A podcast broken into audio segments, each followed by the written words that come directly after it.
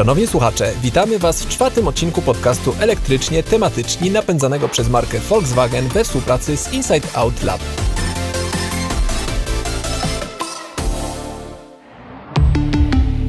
Dzień dobry, tu Kasia Frendl z kobiecego portalu motoryzacyjnego motokaina.pl oraz Paweł Pilarczyk z portalu o technologiach w biznesie IT Business. Ponieważ ja za jakiś czas chciałbym kupić samochód elektryczny, więc potrzebuję mieć prywatną ładowarkę w moim garażu. Jak to zrobić? Nie tylko ty zadajesz sobie to pytanie. Wiele osób rezygnuje z planów zakupu samochodu elektrycznego, bo powstrzymuje ich przed tym przekonanie, że nie będą mieli go gdzie ładować. A tymczasem, co wynika z badań Polskiego Stowarzyszenia Paliw Alternatywnych, aż 99% domów jednorodzinnych i blisko 70 domów wielorodzinnych już dziś jest przystosowanych do ładowania elektryków. I właśnie o ładowaniu samochodów elektrycznych w domu oraz o tym, jak przygotować nasz garaż oraz miejsce parkingowe porozmawiamy z naszym ekspertem, którym dziś jest Filip Opoka, radca prawny i partner w kancelarii NGL Legal. Dzień dobry, Filip. Dzień, Dzień dobry. dobry, witam Was.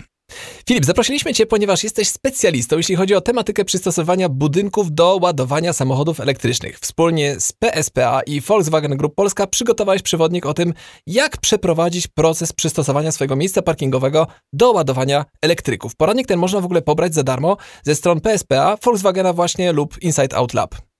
Stawiamy takie pytanie nie bez przyczyny, y, a że nasz podcast opieramy na rzetelnych danych, to przytoczymy na dobry początek ciekawe wyniki z badania Inside Out Lab i Volkswagena, z których dowiadujemy się, że aż, uwaga, 73% Polaków uważa, że samochodu elektrycznego nie da się podłączyć do ładowania do zwykłego gniazdka, jak innych urządzeń elektrycznych w domu, na przykład telefonu czy suszarki, lodówki.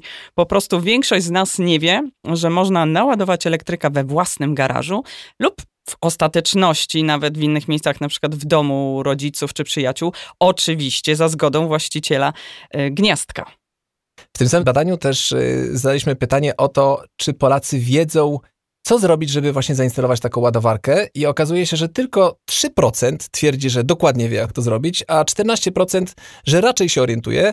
E, nasza opinia chyba jest taka, że te 14% pewnie jest troszkę e, podkręcone, bo pewnie ludzie się wstydzą powiedzieć, że przyznać nie wiedzą. Po tak, prostu, wstydzą tak. się przyznać, więc mówią, że, że pewnie wiedzą, ale, ale pewnie to będzie mniejsza nawet wartość niż te 14%.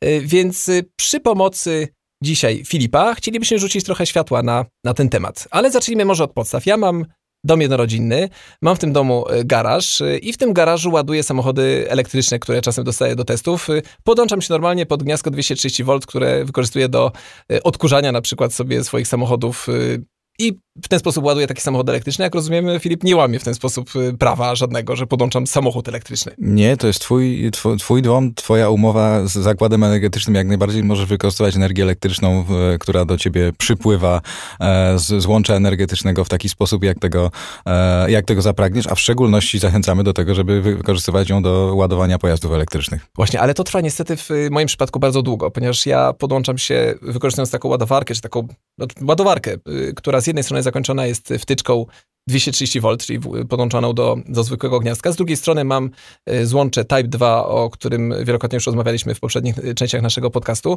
E, I ładowanie następuje z mocą niewiele ponad 2 kW, więc taki samochód elektryczny, nawet mały, taki Volkswagen i-Up ładuje się kilkanaście godzin, to jest 15-16 godzin, żeby cały taki samochód naładować do, do pełna, a duże auta typu Mercedes EQC czy Audi e-tron potrafią się ładować nawet 46 godzin z takiego gniazdka, więc chcielibyśmy porozmawiać z Tobą na ten temat, co zrobić, żeby przyspieszyć to y, ładowanie i y, jaką infrastrukturę powinniśmy mieć, y, jakie trzeba pokonać potencjalne problemy prawne. Może zacznijmy od takiego domu jednorodzinnego, czyli takiego przypadku jak mój. Większość Polaków mieszka właśnie w domach jednorodzinnych, a konkretnie 56% według danych Eurostat. E, ale to okazuje się, że to bardzo duża liczba osób, które ma, ma takie warunki, żeby samochód ładować. To jest 99% budynków y, z, z, badań wyszło, y, jest przystosowane do tego, żeby ładować samochody elektryczne y, w garażu.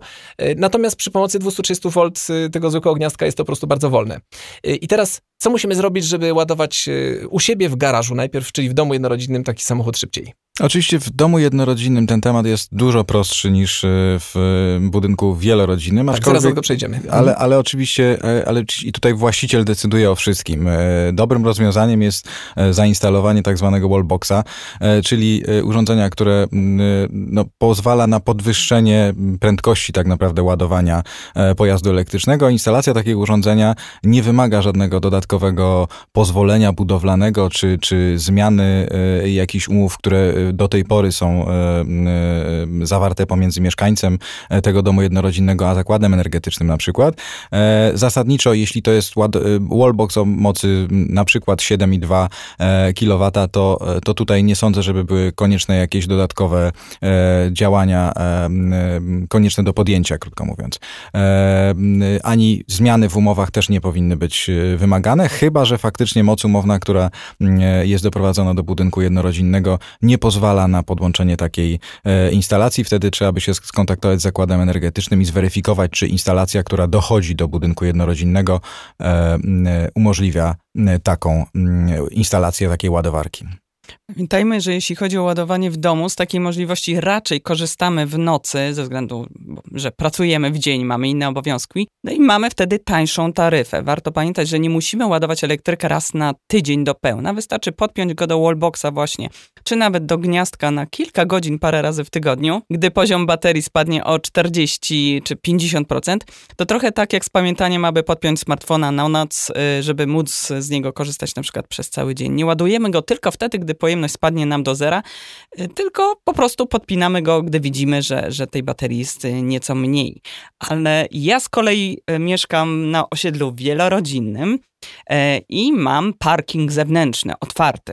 No i Załóżmy, że rozważam kupno elektryka. Od czego powinnam zacząć rozważania na temat podejścia w ogóle do montażu wallboxa? Gdzie to ma być? Kogo mam pytać? Do kogo mam się zwrócić? To jest dobre pytanie i to jest chyba kluczowa kwestia w zakresie rozwoju elektromobilności w Polsce, bo tak jak powiedzieliście, oczywiście mamy wiele budynków jednorodzinnych, gdzie ta e, instalacja dodatkowego e, infrastruktury ładowania umożliwiającej ładowanie pojazdu elektrycznego jest stosunkowo prosta, bo decyzja leży w gestii e, właściciela tego budynku, czyli w naszej gestii tak naprawdę. Jeśli mówimy o budynkach wielorodzinnych i, i zwłaszcza w takich, których mówimy tylko o parkingu zewnętrznym, to tutaj kwestia jest jest, e, no, wymaga trochę przygotowania, krótko mówiąc. To jest, e, to, jest, to jest coś, co trzeba wykonać przed podłączaniem jakiejś ładowarki. Generalnie rzecz biorąc, oczywiście najpierw trzeba wejść w kontakt z zarządcą nieruchomości, najczęściej zarządem spółdzielni albo zarządem wspólnoty mieszkaniowej, w której no, mieszkamy. U mnie właśnie jest wspólnota no mieszkaniowa. Mhm. Osiedle trzeba, jest zamknięte. Tak, trzeba zweryfikować, czy e, istniejąca infrastruktura elektroenergetyczna, która istnieje na e, nieruchomości umożliwia podłączanie takiej e, e, ładowarki. W szczególności, czy w ogóle na tym parkingu zewnętrznym jest jakaś instalacja elektryczna, która będzie tutaj e, mogła posłużyć do tego, aby taką ładowarkę podłączyć. Na parkingach zewnętrznych czasem niekoniecznie taka infrastruktura może być, więc będzie wymagało to dodatkowych prac, a zatem również poniesienia dodatkowych kosztów. Natomiast prościej pewnie ta sytuacja wygląda w budynkach, w których są garaże podziemne, bo ta instalacja elektryczna jest już najczęściej najczęściej tam rozprowadzona. Najczęściej e, są już e, również e, wyjścia tej instalacji przy każdym z miejsc postojowych, więc ludzie najczęściej korzystają z tego w sposób incydentalny, używając odkurzaczy czy, czy, czy jakichś innych drobnych urządzeń. Natomiast, tak jak powiedzieliście, wiele tych budynków jest już w tej chwili przystosowanych do tego, aby taką instalację ładowania, czy taką infrastrukturę ładowania podłączyć i z niej korzystać. Natomiast samo podłączenie tej infrastruktury to wydaje mi się jest zwieńczenie całych tych działań, które należy podjąć wcześniej, a więc w pierwszej kolejności wypadałoby e, skonsultować się z zarządcą właśnie, czy ta infrastruktura e, umożliwia podłączenie ładowarki, o jakiej mocy ta ładowarka może być podłączona e, i w którym miejscu ona powinna być zainstalowana. Jednak to nie jest miejsce, o którym my decydujemy samodzielnie, a więc ta konsultacje z zarządcą, ale również czasem z mieszkańcami innymi, których Czyli trzeba przekonać. jakaś, tak? Tak, znaczy mamy, w zależności od tego, w jakim budynku, o jakim budynku mówimy, jeśli mówimy o twoim budynku, czyli tam, gdzie jest wspólnota mieszkaniowa, no to najczęściej trzeba mm, uzyskać zgodę, nie najczęściej, tylko trzeba uzyskać zgodę na instalację takiej ładowarki w, mm, podjętą w drodze uchwały.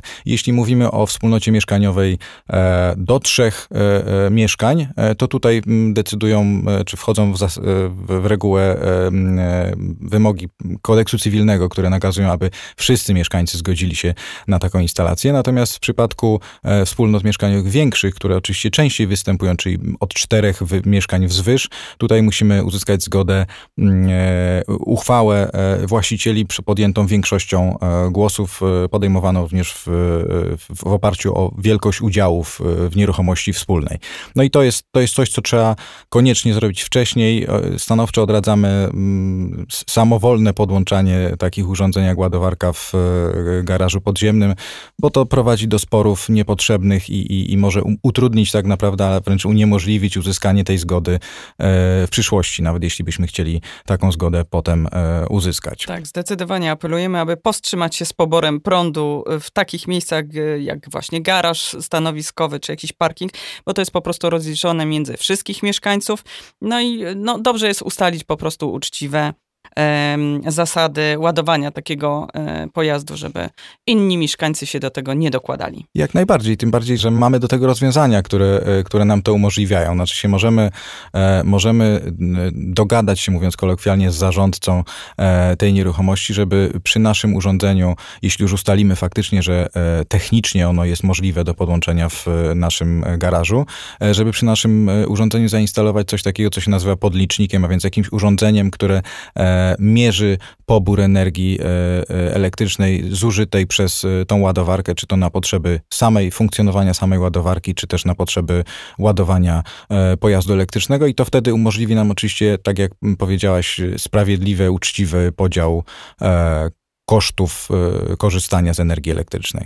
Ja jeszcze na sekundkę chciałbym wrócić do tego wallboxa, o którym Filip wspomniałeś, ponieważ podejrzewam, że nie wszyscy słuchacze mogą wiedzieć dokładnie, czym jest ten wallbox. To jest... A czym słupek? Tak, a czym słupek? Tak do słupka jeszcze to zaraz dojdziemy, Jakie jak będziemy różnice? opowiadać o mhm. ładowaniu na parkingach takich publicznych czy, czy zewnętrznych. Natomiast y, y, chciałbym, żebyśmy też wyjaśnili dokładnie, czym jest ten wallbox, jak wygląda, bo Wallbox jest tak naprawdę takim niewielkim pudełkiem, które jest montowane na, na ścianie, które pozwala y, podniesienie tego prądu ładowania z tych 2 kW, które mamy normalnie z gniazdka 230 V, do 7,4 kW, czyli y, ponad trzykrotnie jest wtedy większa moc, czyli trzykrotnie krót, krócej się taki samochód ładuje. Jeżeli mamy instalację tylko jednofazową w domu, natomiast jeżeli mamy instalację trzyfazową, czyli tak zwaną Y, kolokwialnie siłę, wówczas taka moc y, takiej ładowarki może zostać podniesiona do nawet 11 kW. Y, czyli już ponad pięciokrotnie jest większa moc niż gdybyśmy ładowali z gniazdka 230 V. I taki wallbox nie jest urządzeniem drogim. Jeżeli chcemy zakupić taki, taki wallbox, ma, ma taki wallbox w ofercie wiele firm. Ja rozmawiałem niedawno z Hubertem Niedzielskim z Volkswagena na temat wallboxa ID Charger, który jest właśnie w tej chwili w ofercie Volkswagena do kupienia. Posłuchajmy tej rozmowy. Hubert, wprowadziliście ostatnio do sprzedaży ładowarkę do samochodów elektrycznych typu Wallbox. Jak się ta ładowarka nazywa? Mowa o ładowarce ID Charger. E, faktycznie Volkswagen sprzedaje ją za pośrednictwem należącej do nas firmy Eli, zajmującej się sprzedażą infrastruktury do ładowania aut elektrycznych i to jest urządzenie, które umożliwia sprawne ładowanie aut elektrycznych i hybryd plug-in. E, po nazwie wnioskuję, że ta ładowarka służy do ładowania samochodów e, waszych, e, ID3 i kolejnych modeli, ale jak rozumiem, można ją też ładować pojazdy innych marek. Tak, zgadza się. Przede wszystkim cechą ładowarki ID Charger jest to, że ona ładuje 8 razy szybciej niż prąd, zwykły prąd z gniazdka. Prędkość oczywiście zależy od mocy, jaką dysponujemy, ale przy mocy na przykład 11 kW Volkswagen ID3 zostanie naładowany w 80% w ciągu zaledwie 6 godzin. Przy mocy nieco ponad 7 kW pojazd zostanie całkowicie naładowany przez noc. Jest to bardzo, myślę, że ciekawe, przystępne i atrakcyjne rozwiązanie dla tych, którzy mogą pozwolić sobie na montaż takiego wallboxa. Czyli macie dwa modele tych ładowarek, 7,4 i 11 kW. I kiedy można zamontować 7,4, a kiedy można załadować takiego wallboxa 11 kW?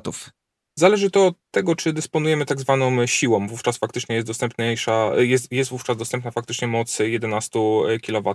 Jeżeli chodzi o rodzaje tych urządzeń, to są de facto trzy. Najtańsza wersja produktu jest dostępna za 1729 zł, to jest ID Charger, a ID Charger w wersjach wyższych, czyli Connect i Pro, pozwala m.in. kontrolować procesy ładowania, zarządzać tym wallboxem na przykład poprzez naszego smartfona. Rozumiem. A czy y, można taką ładowarkę kupić y, samodzielnie i zainstalować samodzielnie, czy y, tylko w jakimś pakiecie z instalacją? Można, oczywiście, e, ale co ważne, urządzenie można też zamówić z fachowym audytem energetycznym, późniejszym montażem. Na stronie internetowej, którą udostępniamy, można także do, dokonać wstępnej weryfikacji, czyli montaż e, tego typu urządzenia jest możliwy u nas e, w domu. Co ważne, sprzedaż Wallboxa prowadzą nie tylko autoryzowani dilerzy marki, właśnie można też kupić Wallbox za pośrednictwem strony internetowej. Wystarczy wejść na stronę Volkswagena w zakładkę elektromobilność i tam znajdziemy bezpośrednie przekierowanie do sklepu marki Eli. Wszystko jasne. E, Hubert, bardzo Ci dziękuję za rozmowę. Dzięki, trzymaj się, cześć. Dziękuję.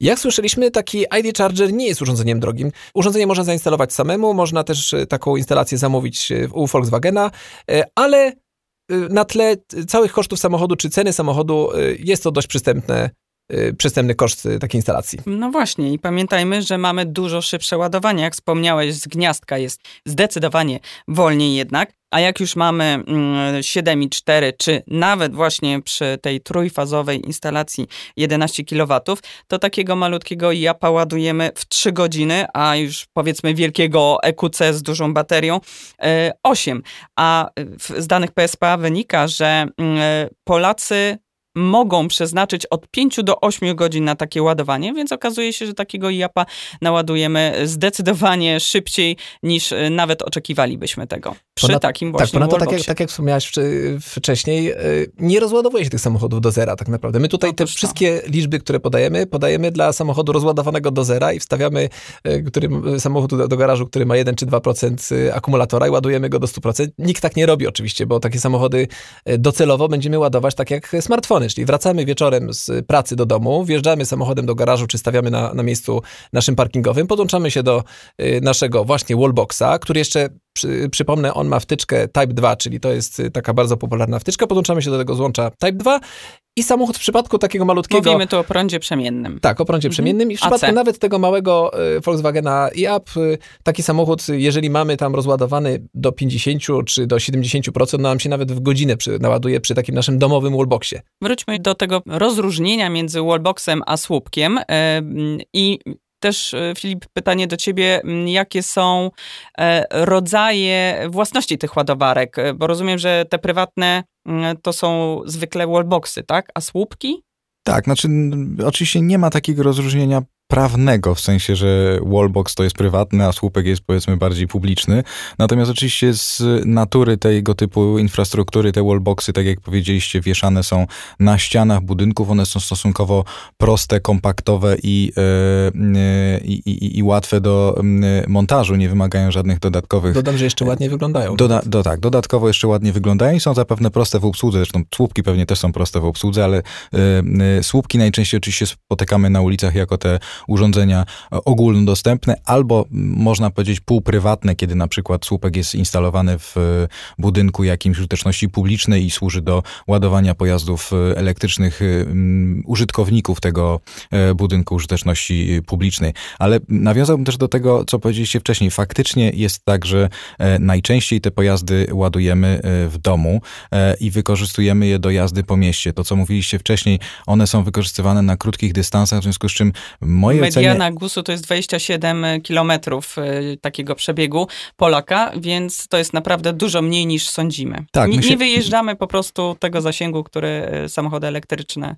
my, mają. My się często dosyć ba za, za, bardzo chyba koncentrujemy na tym zasięgu tych pojazdów elektrycznych, bo tak jak pokazują badania, mówicie, nie są one wykorzystywane. Czy takie pojazdy, czy również konwencjonalne, nie są e, w codziennej e, użytkowaniu wykorzystywane na takich dystansach, e, a zatem ładowanie ich w w domu też nie, nie wymaga 8-5 godzin, tak jak powiedzieliście, tylko mm, trzeba po prostu zmienić przyzwyczajenia. Tak samo jak w prowadzeniu tych pojazdów, tak samo w ładowaniu tych pojazdów. A więc ładowanie tych pojazdów e, w domu jest e, podstawą, wydaje mi się, rozwoju elektromobilności. I oczywiście, jak mówimy o ładowarkach ogólnodostępnych, one będą potrzebne na wyjazdy dłuższe, dalsze trasy i tak dalej. Ale po pierwsze, z uwagi na cenę, nie będziemy wykorzystywać tego w codziennym korzystaniu z pojazdów elektrycznych. W związku z czym tak naprawdę bardzo istotne jest przekonanie i zarządców, i mieszkańców do tego, że można i potrzeba tej infrastruktury ładowania pojazdów elektrycznych rozwijać w budynkach wielorodzinnych. Wspomnę tylko, że z ostatniego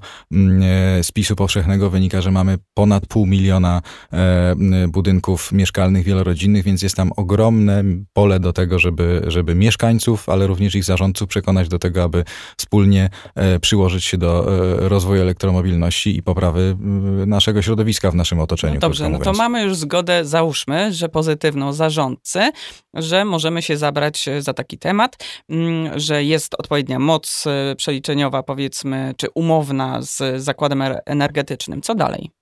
No, wiemy już w takim razie, jaką mamy y, możliwość zainstalowania jakiej ładowarki, o jakiej mocy. Wiemy, że zgadza się na to nasz zarządca.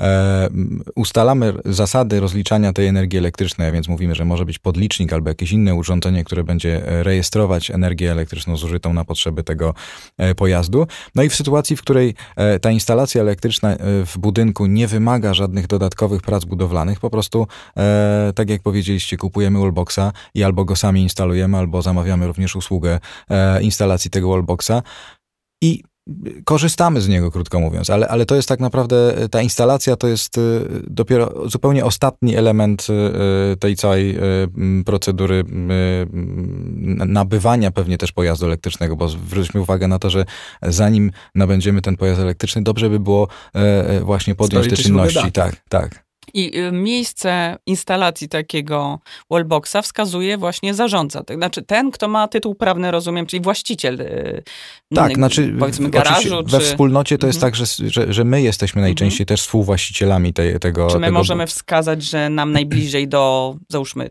tej, a nie innej ściany i tu chcielibyśmy mieć e, tą instalację, a zarządca powie nie, jednak bliżej klatki? Zakładam, że jednak to będzie e, rozstrzygane na zasadzie, czy taka instalacja może być zainstalowana przy e, miejscu parkingowym konkretnym, bo jeśli mhm. byśmy chcieli to zainstalować no w jakiejś innej przestrzeni, no to oczywiście tam musiałoby być również wy, wyznaczone miejsce parkingowe do tego, aby ten samochód postawić i tam ładować. Nie sądzę, żeby w budynkach z garażami podziemnymi było, by, były miejsca do tego przeznaczone. To jest oczywiście e, inny temat trochę na przyszłość, aby się zastanowić, czy nie projektować budynków w taki sposób, aby takie miejsca pół półogólnodostępne Otóż przewidzieć i, i żeby y, więcej mieszkańców mogło korzystać z tego samego miejsca Bo przecież postojowego. mamy takie miejsca, które są na środku parkingu, tak? Nie mamy wtedy y, żadnej ściany dookoła y, i no właściwie gdzie ten wallbox postawić? Wtedy słupek czy, czy nie wiem, z sufitu? Na suficie może go przykręcić. Zwieszamy. To się zgadza. Znaczy to pew, najpewniej w takiej sytuacji można myśleć o jakimś rozwiązaniu e, sufitowym. E, ciężko mi tutaj e, dyskutować o jakichś rozwiązaniach technicznych, ale na pewno... Albo podłogowym. Albo podłogowym, to się zgadza. Natomiast na pewno to będzie wymagało jakiejś większej ingerencji w e, budynek, a tutaj, przy czym tutaj mówimy oczywiście o budynkach istniejących.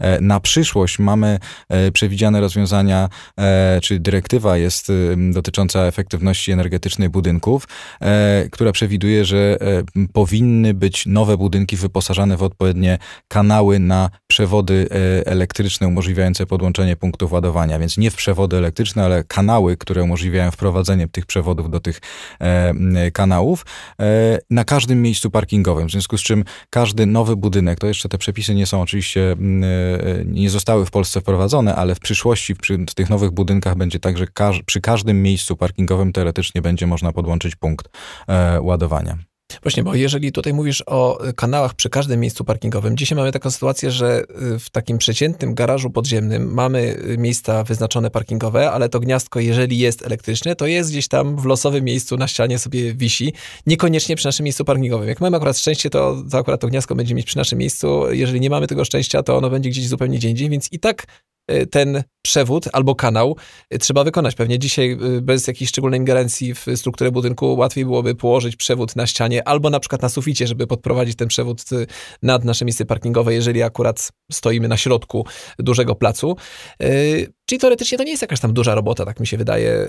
Nawet dla elektryka i, I, jak rozumiem, y, to już jest kwestia tylko dogadania się z zarządcą budynku, czy on się na to zgodzi, żeby ten przewód po prostu puścić po tej ścianie do, do naszego miejsca. W mojej ocenie tak. Znaczy, z, z, tego, co rozmawiałem z ludźmi, którzy się zajmują tym od strony technicznej, to oni twierdzą, że budynki nowsze, no nie, nie mówimy o budynkach z lat 60. czy 70., ale budynki nowsze, powiedzmy z lat 90. czy 2000, już zasadniczo w większości przypadków były projektowane w taki sposób, że e, w, e, w tej części sufitowej, można powiedzieć, e, są prowadzone różnego rodzaju instalacje, czy to, czy to elektryczne, czy inne, które są wykorzystywane na potrzeby tak, budynku. takie prowadnice metalowe. Tak. Tak e, I krótko mówiąc, e, w, w, tych budynkach jest również możliwość, aby taką e, instalację elektryczną, czyli mówiąc kolokwialnie kabel przeprowadzić do naszego miejsca postojowego, a często jest też tak, że już sama instalacja gdzieś w ścianie tego budynku występuje i, i tak jak powiedziałeś, zdarza się, że są gniazdka elektryczne, do których można się wprost podłączyć. Aczkolwiek no, no tak jak mówię, trzeba e, to dobrze skonsultować i z mieszkańcami, i z zarządcą e, i, i, i uzyskać na to zgodę, żeby, żeby krótko mówiąc nie wylać dziecka z kąpielą. Po to też są te przewodniki, które staramy się e, skonstruować w taki sposób, aby one łatwo opisywały całą sytuację, cały przebieg całego procesu e, i, i, ułatwiały e, z jednej strony mieszkańcom instalację tych ładowarek, a z drugiej strony zarządcom podejmowanie tych decyzji. I trzeba pamiętać o tym, że również również inni mieszkańcy powinni być do tego przekonani, bo widzimy e, z praktyki, że e, wielokrotnie się zdarza, że jest obawa mieszkańców przed tym, żeby e, instalować punkty ładowania, czy to będzie bezpieczne, czy to nie będzie powodowało zagrożenia pożarowego, czy przede wszystkim Albo rozliczanie... żeby nie wywalało korki, a rozliczanie. Tak, czy przede wszystkim rozliczenia energii elektrycznej będą tylko dla tego mieszkańca, który będzie korzystał z tej ładowarki. No ale te wątpliwości już rozwialiśmy, tak? tak? Bo y, y, nie ma jakiegoś zagrożenia pożarowego, de facto mamy możliwość zainstalowania podlicznika, albo nawet sama, samo urządzenie ma w sobie czasem takie możliwości, żeby, żeby nam liczyć tę energię i z zarządcą się osobno jakby mm, rozliczyć. Y, no ale co w przypadku rzeczywiście kiedy tych chętnych na wallboxa będzie więcej, tak? I nagle ta moc y, y, musi być zdecydowanie większa. no i czy my się zwracamy do y, zakładu energetycznego podwyższenie tej mocy, czy zarządca? Jak to wygląda? Oczywiście w przypadku domów jednorodzinnych, tak jak powiedzieliśmy wcześniej, to jest wszystko w gestii właściciela. Natomiast w przypadku e, domów wielorodzinnych, oczywiście to jest sytuacja, że e, umowa e, na e, dostarczanie energii elektrycznej do części wspólnych, a taką, taką częścią wspólną jest właśnie garaż, jest pomiędzy e, no, całą wspólnotą a, a zakładem energetycznym. A zatem e, tutaj wspólnota powinna się zwrócić do zakładu energetycznego i tutaj pewnie można wyobrazić sobie dwie sytuacje. Jedna jest taka, że e, e, infrastruktura, która jest doprowadzona do budynku fizycznie umożliwia e, podłączenie takiej większej ilości ładowarek, a zatem wymagałoby to tylko w umowie dystrybucyjnej podwyższenie tak zwanej mocy umownej, czyli takiej opłaty stałej, którą się płaci za potencjalną możliwość korzystania z mocy o takiej wysokości. Natomiast w sytuacji, w której na przykład przykład z, tego, mm, e, z tej weryfikacji y, przy udziale elektryka wyjdzie, że ta instalacja elektryczna nie ma dostatecznej mocy, no to konieczne byłoby również e, zawarcie nowej umowy przyłączeniowej, co oczywiście łączy się z, już z dużymi kosztami i z dużymi pracami budowlanymi. Natomiast to się y, nie słyszałem o takich przypadkach, żeby takie, takie sytuacje miały miejsce. W związku z czym wracając do tej sytuacji, że podwyższamy moc umowną w umowie dystrybucyjnej, e, to to nam umożliwia podłączenie większej ilości y, ładowarek w, e, w garażu. E, natomiast dodatkowym rozwiązaniem, jakie, e, o jakim się rozmawia i, i często się pojawia w dyskusji na, na temat ładowarek w budynkach mieszkalnych, jest właśnie system inteligentnego zarządzania tymi ładowarkami, które się znajdują w budynku, a więc to może być taka sytuacja, że ładowarki, które są w garażu podziemnym, korzystają z tak zwanej rezerwy mocy, która jest w budynku budynku i mają większą moc sumarycznie niż ta mm, rezerwa, natomiast w sytuacji, które one są wykorzystywane jednocześnie przez użytkowników i, i ładowane są pojazdy ich jednocześnie z tych ładowarek, to ich moc jest w inteligentny sposób automatycznie ograniczana do takiej, która jest bezpieczna dla instalacji elektrycznej danego budynku i nie, nie powoduje zakłóceń w korzystaniu z instalacji elektrycznej na przykład w mieszkaniach mieszkańców. Czyli prawdopodobnie to będzie wyglądać tak, że ten pierwszy odważny, chętny na kupno elektryka i zainstalowania wallboxa przejdzie całą procedurę, a reszta będzie sobie po prostu Korzystała. korzystać, tak, bo już będzie i moc pewnie większa, zarządca już będzie wiedział, jak to się wszystko odbywa i po prostu reszta tylko będzie dołączać e, wnioski do, mm, do zarządcy i e, tych wallboxów pewnie się będzie tworzyć więcej. Ale generalnie warto rozważyć taką instalację e, stacji ładowania nawet wtedy, gdy wynajmujemy swoje mieszkanie albo planujemy je na przykład sprzedać, bo z badania przeprowadzonego przez Inside Out Lab wynika, że aż 48% Polaków uważa, że e, taki punkt ładowania e, samochodów elektrycznych zwiększa atrakcyjność nieruchomości. E, a w przypadku mieszkańców dużych miast, tych powyżej 500 tysięcy mieszkańców, twierdzi tak nawet 56% ankietowanych. No i mnie to nie dziwi. Sama, powiedzmy, kupując mieszkanie albo ewentualnie chcie, wynajmując tak, zwróciłabym teraz e, uwagę, bo no rzeczywiście przecież testujemy elektryki i czasem fajnie by było je móc naładować w domu, a nie w mieście. Taki procedura wcale nie jest taka skomplikowana. Y, jeszcze raz zachęcamy do lektury przewodnika o tym, jak, jak to zrobić. Myśmy z Kasią ten przewodnik przeczytali od deski do deski. On oczywiście jest napisany w taki sposób dość formalny, ale jest bardzo dużo ilustracji, jest dużo schematów, więc w sposób rzeczywiście przejrzysty wszystko wyjaśnione, krok po kroku, jak przeprowadzić taką instalację y, stacji ładowania w budynku. Drodzy słuchacze, bardzo dziękujemy za słuchanie. Filip, bardzo dziękujemy również dziękujemy. za przyjęcie naszego zaproszenia. E, gorąco zachęcamy do subskrybowania naszego podcastu. Przypominamy, że nasz podcast napędza marka Volkswagen we współpracy z Inside Out Lab. I jeśli podoba Wam się to, o czym opowiadamy, powiedzcie o naszym podcaście jednemu znajomemu. Jeśli macie jakieś pytania, na które będziemy mogli odpowiedzieć w następnych odcinkach lub sugestie dotyczące tematów, które powinniśmy poruszyć w naszym podcaście, zgłaszajcie je na mail, który znajdziecie w opisie podcastu. Bardzo dziękujemy. Dzięki, do usłyszenia. Dziękuję.